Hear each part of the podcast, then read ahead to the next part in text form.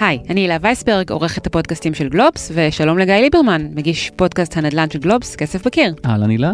הפרק האחרון שפרסמת עוסק בדברים שכדאי לכולנו לדעת על מיסים והשקעות נדל"ן. בפרק הזה מתארחת פרשנית המשפט והמיסוי של גלובס, אלה לוי ויינריב. למה החלטת להקדיש פרק למיסים והשקעות נדל"ן? תראה, האמת שזה לא הפרק הראשון שאנחנו מקדישים למיסוי, אבל זה משהו שעולה כל הזמן כדרישה מהקהל שלנו, ובכלל, מיסים זה אחד הדברים הכי משמעותיים בעולם השקעות הנדל"ן, אה, כי מיסוי נכון יכול להיות ההבדל בין עסקה טובה לעסקה לא טובה. זאת אומרת, אפילו אם אתה נתקל עכשיו. באיזשהו נכס עם מחיר ממש מעולה, אם לא תבדוק את המצב המיסויי שלך, של הנכס, יכול להיות שהעסקה הזאת בכלל לא טובה לך. אתה יכול לתת דוגמה? יש נושא של אה, שכירות. מה שנקרא התשואה השנתית, ככה אנשים מסתכלים על זה, כמה אני מרוויח בכל שנה, לא מדבר על עליית ערך, אלא ממש כמה כסף אני מרוויח כל חודש. מדרגת המס אה, אה, שעד אליה בעצם לא צריך לשלם שום מס, היום עומדת על משהו כמו 5,070 שקלים. זאת אומרת, אם עכשיו אתה תשכיר את הדירה שלך ב-5,071, הופה, אתה כבר ממוסה. 5,069, אתה לא ממוסה.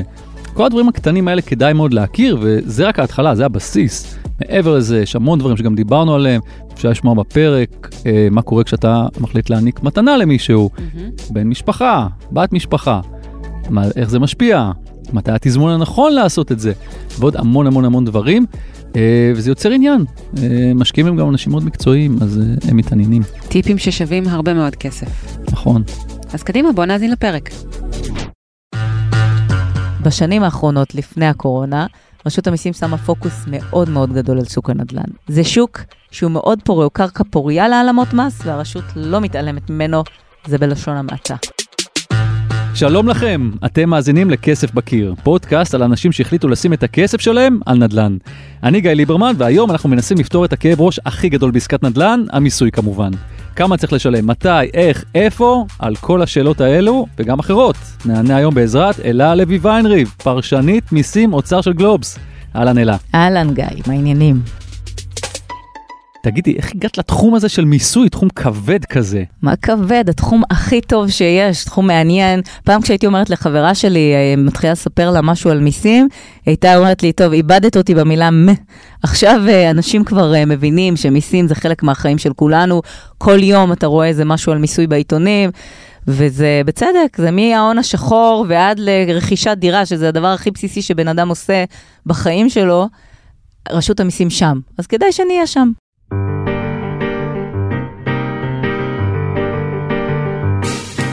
אז בוא נתחיל ישר עם הדבר הראשון שאת רוצה לדבר איתנו. אנחנו נדלג על, על מה שנקרא שלב א' למתחילים, מס רכישה, דרגות uh, המחיר, נכון? כולנו מכירים את זה, אפשר לקרוא את זה באינטרנט. מס רכישה היום הבסיסי הוא חמישה אחוזים לפי uh, כמה דרגות, אחרי, אם אני לא טועה, משהו כמו מיליון שלוש מאות, זה הופך להיות שישה אחוזים ומעלה. על כל זה אפשר לקרוא uh, באינטרנט. אנחנו נתחיל uh, ישר לדברים טיפה לי יותר מתקדמים. אני רוצה לדבר על התחלה, בעצם מה ההבדל בין נדל"ן פרטי לנדל"ן עסקי מבחינת המיסוי. תראה, בעסקת נדל"ן, המס יכול להפוך אותה בבת אחת ועסקה מאוד מוצלחת על הנייר לעסקה גרועה מאוד וכזאת שלא היית רוצה להיכנס אליה אם היית יודע את העובדות. הכי נכון בעולם. לגמרי, זה הבדלים של מאות אלפי שקלים ולפעמים הכדאיות הופכת לאפס, זה מאפס את הכדאיות ומטה, כאילו יש עוד למינוס אפשר לרדת. אז בואו נתחיל מהפרטי לעסקי. אנחנו יודעים שאם אתה קונה דירה יחידה, יש לך הטבות מס, מוכר בזמן, אתה זכאי לכל מיני הטבות.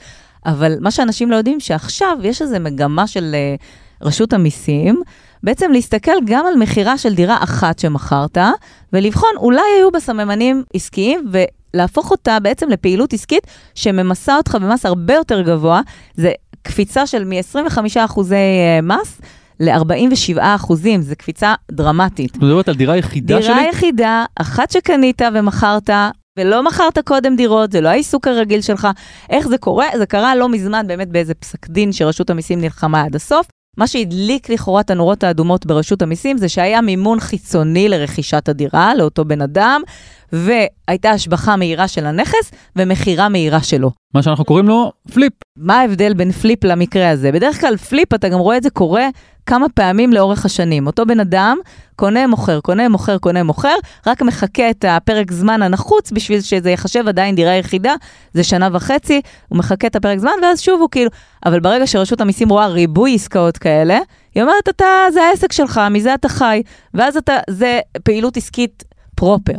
אבל כאן אנחנו לא מדברים על זה, אנחנו מקרים, מדברים על מקרים שאתה לקחת דירה, אין, זה לא העיסוק שלך, לא קרה בעבר, קנית אותה, מכרת אותה, ובכל זאת היו סממנים שהדליקו את הנורות האדומות ברשות המיסים, וזה כמו שאמרתי, היה מקרה ספציפי שמדבר על זה שהמימון לרכישת הדירה היה חיצוני, לא היה לך את הכסף, השבחת, מכרת בבום, בבת אחת, מהר, לא החזקת בה.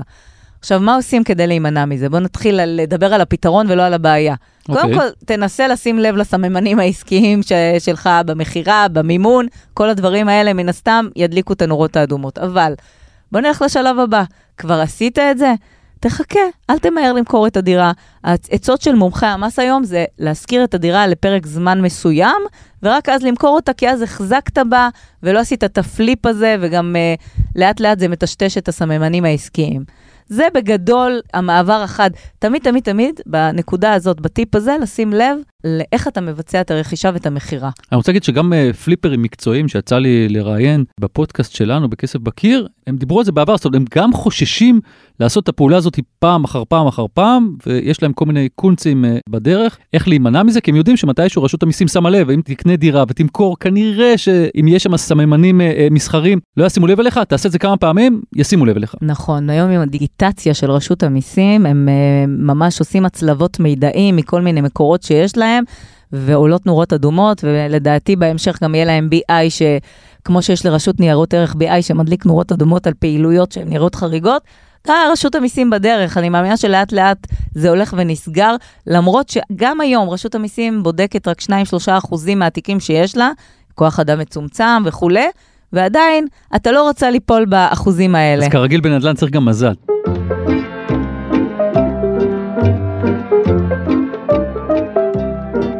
תגידי, בואי נדבר על, על עוד דבר שמאוד מעניין אה, אנשים, בפן הזה של בין הפרטי למסחרי, וזה ריבוי דירות. יש אנשים שמה לעשות, הם מחליטים שאת הכסף שלהם ישימו על נדל"ן ורוכשים כמה וכמה דירות. ממתי אני נחשב כעסק? תראה, קודם בוא נדבר באמת לצורכי השכרה. קנית דירות, אתה משכיר אותן, אז באמת היום הייתה מחלוקת ארוכת שנים בין רשות המיסים להרבה נישומים לכמה דירות אני יכול להחזיק ולא לחשב לעסק. למה בעצם המחלוקת? זה ענייני מס. אם אתה מחזיק החזקה פרטית, אתה לא משלם מס עד uh, 5,000 שקל, מ-5,000 שקל ומעלה, אם זה פרטי זה 10 אחוזים. נכון, צריך רק להגיד שה, שהסכום הזה משתנה משנה כן, לשנה אנחנו... עם הצמדות, היום זה 5,070. נכון, זה היה שנה זה משתנה. 5,100 וירד ב-30 שקלים, אז כל מי נכון. שקיבל ייעוץ עסקי לעשות את החוזה השכרה שלו עד 5,100, כשזה יורד ב-30 שקלים, בבת אחת אתה נכנס למס ולא כולם יודעים נכון, את זה. צריך להתעדכן על זה כל שנה. מעל איקס מסוים של דירות, אתה כבר עובר את הסף הפרטי, ואתה בעצם נכנס למסלול העסקי, ואז המס יכול להגיע גם ל-50 אחוזים, 40 ומשהו אחוזים, ושם אתה לא רוצה להיות אם אתה לא באמת, אה, אם זה לא העסק שלך.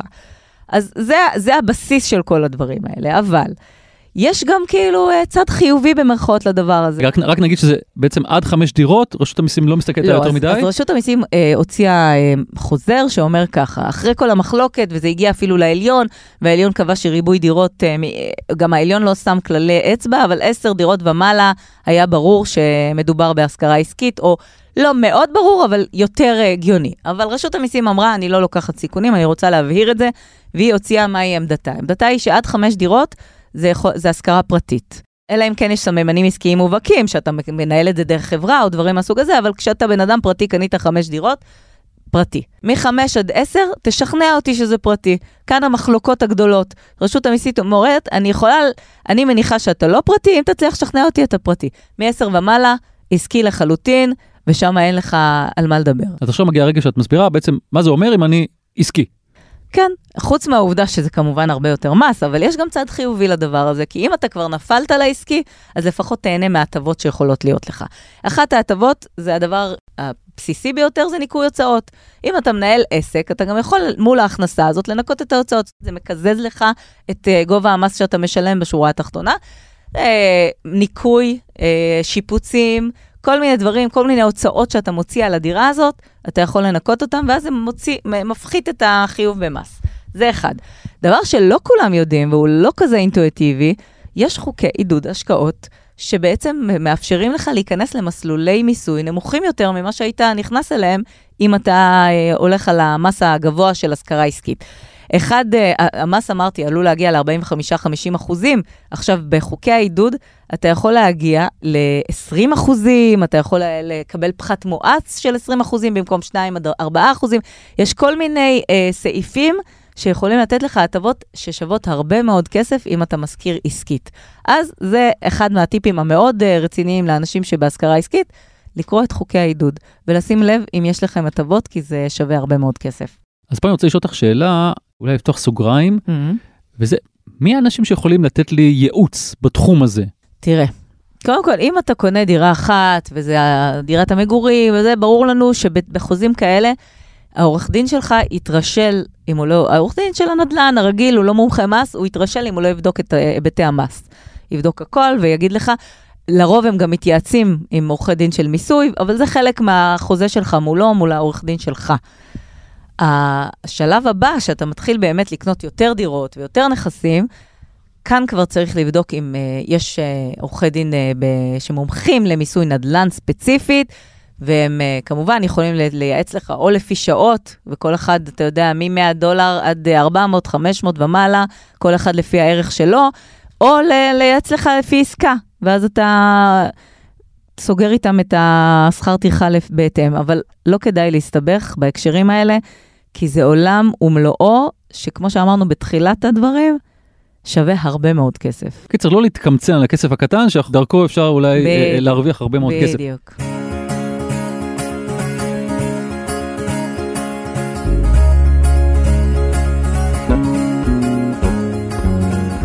אנחנו יודעים שנדל"ן, בואו לא נתייפייף, אנשים עושים כל מיני שירקס, מעבירים רכוש נכון. למשפחה, נותנים כל מיני דברים, יש לזה כל מיני משמעויות, מה אפשר לדעת או להכיר, או מה חשוב להכיר בוא נדבר בתחומים באמת האלה. על קשרים משפחתיים וחברתיים בהקשר של נדל"ן. קודם כל, אחד הדברים המוכרים לנו, במיוחד בשנים האחרונות, זה בעצם לתת uh, מתנה למשפחה את הדירה הקודמת, כשאתה בא לשדרג את הדירה החדשה, כדי לא ליפול עם המס רכישה. הופה, יש- מתנה, לא חולצה, קח קבל את דירה, הדירה. קבל דירה. אז uh, אפשר לתת מתנות לילדים, אפשר לתת מתנות להורים, דירות, הכל בסדר, זה לא שאוסרים עליך לעשות את זה, רק אתה צריך לשים לב איך אתה עושה את זה, כדי מתי. באמת... איך ומתי, בדיוק.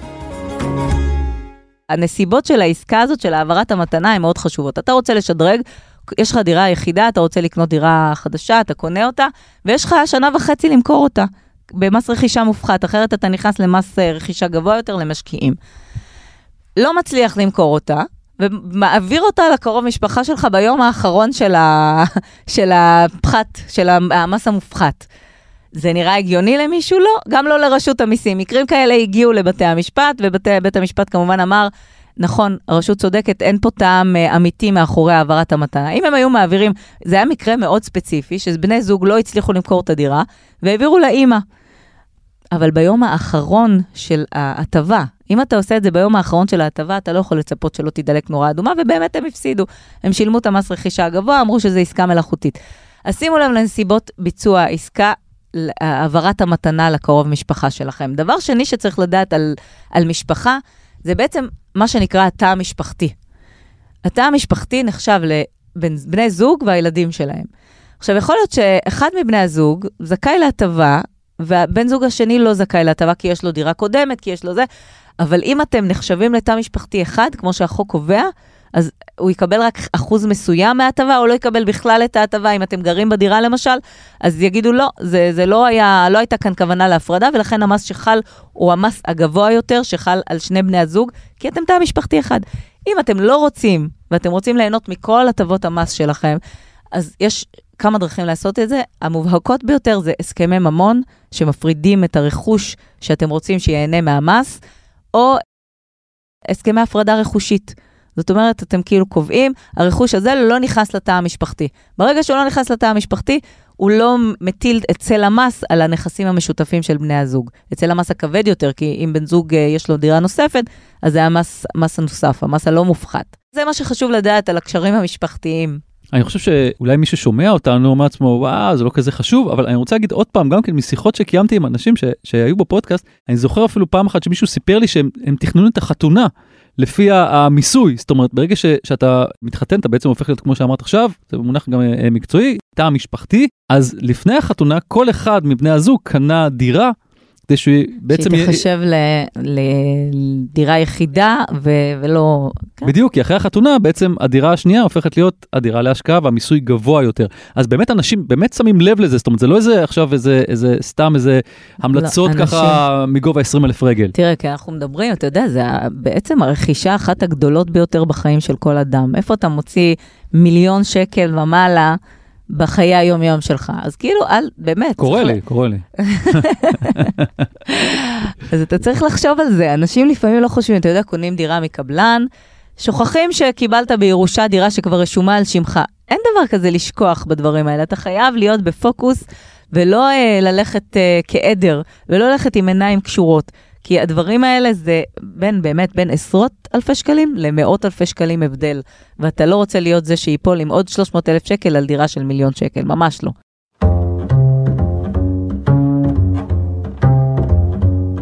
אוקיי, okay, בואי נדבר על uh, סוג uh, נכסים נוסף שאנשים uh, רוכשים, בעיקר בשנים האחרונות, אולי גם בשביל uh, uh, להימלט מהמיסוי הגבוה על נכס שני ומעלה פה בישראל, וזה רכישת דירה או נכס בחו"ל. ואז מה אנחנו צריכים לחשוב או לדעת לפני שאנחנו עושים עסקה כזאת? אתם צריכים לחשוב ולדעת, אחרי שאתם עושים עסקה כזאת, זה מה אתם עושים עם הנכס. אם הנכס הזה מושכר, וזה בדרך כלל מה שאנחנו עושים, ההכנסות על ההשכרה שלו ממוסות בישראל, כי אתה תושב ישראל, והמיסוי הוא פרסונלי, הוא לפי בן אדם ולא לפי איפה הנכס נמצא. אז כל הכנסה על שכר דירה בחו"ל ממוסת כאן. וכאן יש לכם גם, גם צריך לדעת שאתה יכול לבחור את שיעורי המס שאתה תשלם. יש uh, מסלולי uh, מיסוי, מסלולי מיסוי שונים לנכסים שמוחזקים בחו"ל. המסלול הראשון, יש שיעור מס של 15 אחוזים, אבל זה שוב אם ההכנסה היא לא מעסק. זה כמו הכנסה פרטית בישראל, במקום 10 אחוזים, 15 אחוזים, אבל אז אתה גם לא זכאי ליהנות ממה שאמרנו קודם, מהניכוי ההוצאות. זאת אומרת, אתה, אתה פרטי, משכיר פרטי, יש לך מס מופחת, אבל uh, אתה לא מנקה את ההוצאות על הנכס הזה. המסלול השני זה כבר מסלול של מס שולי, אתה מיד קופץ לשיעורי מס הגבוהים יותר, של עד 40-45 אה, אחוזים, זה המס. פלוס, צריך לזכור שבהכנסה עסקית יש גם מע"מ. אתה משלם גם מע"מ. זאת אומרת, זה לא רק uh, מס הכנסה, זה גם מע"מ. זה אלה שני המסלולים שאתה יכול uh, לבחור, אז אם אתה קנית נכס אחד וזה הכנסה פרטית, שים לב שאתה ב-15% אחוזי מס בארץ. אתה לא יכול להתחמק מהמס הזה. תגידי, בכל השנים שאת כותבת על הנושא של המיסוי, יש איזה ככה סיפור שנכנס לך ללב, מישהו שככה זה בא לו בהפתעה משום מקום אה, ואיזשהו מס ככה, איזשהו משהו שאת זוכרת? דווקא סיפורים אה, אחרים אה, זכורים לי יותר, הסיפורים של זה כאילו ממש שהיה מובהק שאתה תיתפס ברשת ואתה לא חשבת שתיתפס ברשת. אנשים שהחזיקו עשרות דירות או פיצלו דירות לעשרות נכסים ודיווחו נגיד בן אדם שהחזיק תשעה נכסים, והוא דיווח על שניים, ועל, ועל השאר הוא לא דיווח, הוא החליט שיש לו פטור ממס על השאר, עליהם הוא דיווח uh, כהכנסה פרטית, והוא חילק אותם בין הילדים שלו. כל דירה הייתה רשומה על שם ילד אחר, זה ממש כאילו, ברגע שעולים על אחת, עולים על כולם ונגמר הסיפור. כאילו, משפחה שמחזיקה תשעה נכסים, כל אחד רשום על שם השני, וכשנכנסים לפרטים גם מגלים שהאבא שהוא מנהל את הכל. אז גם אתה מנהל את הכל, זה כאילו דברים, אתה יודע, מובהקים. או אה, עורך דין בירן שהגיע עד העליון עם הריבוי נכסים, שרגא בירן, עורך דין מאוד מוכר, איש עסקים, שהוא גם מבין בעסקים וגם מבין במיסים, יש לו משרד עורכי דין מאוד גדול. הוא הגיע עד העליון במלחמה עם רשות המיסים להגיד שמעל אה, עשר דירות שיש לו, הם לא השכרה עסקית.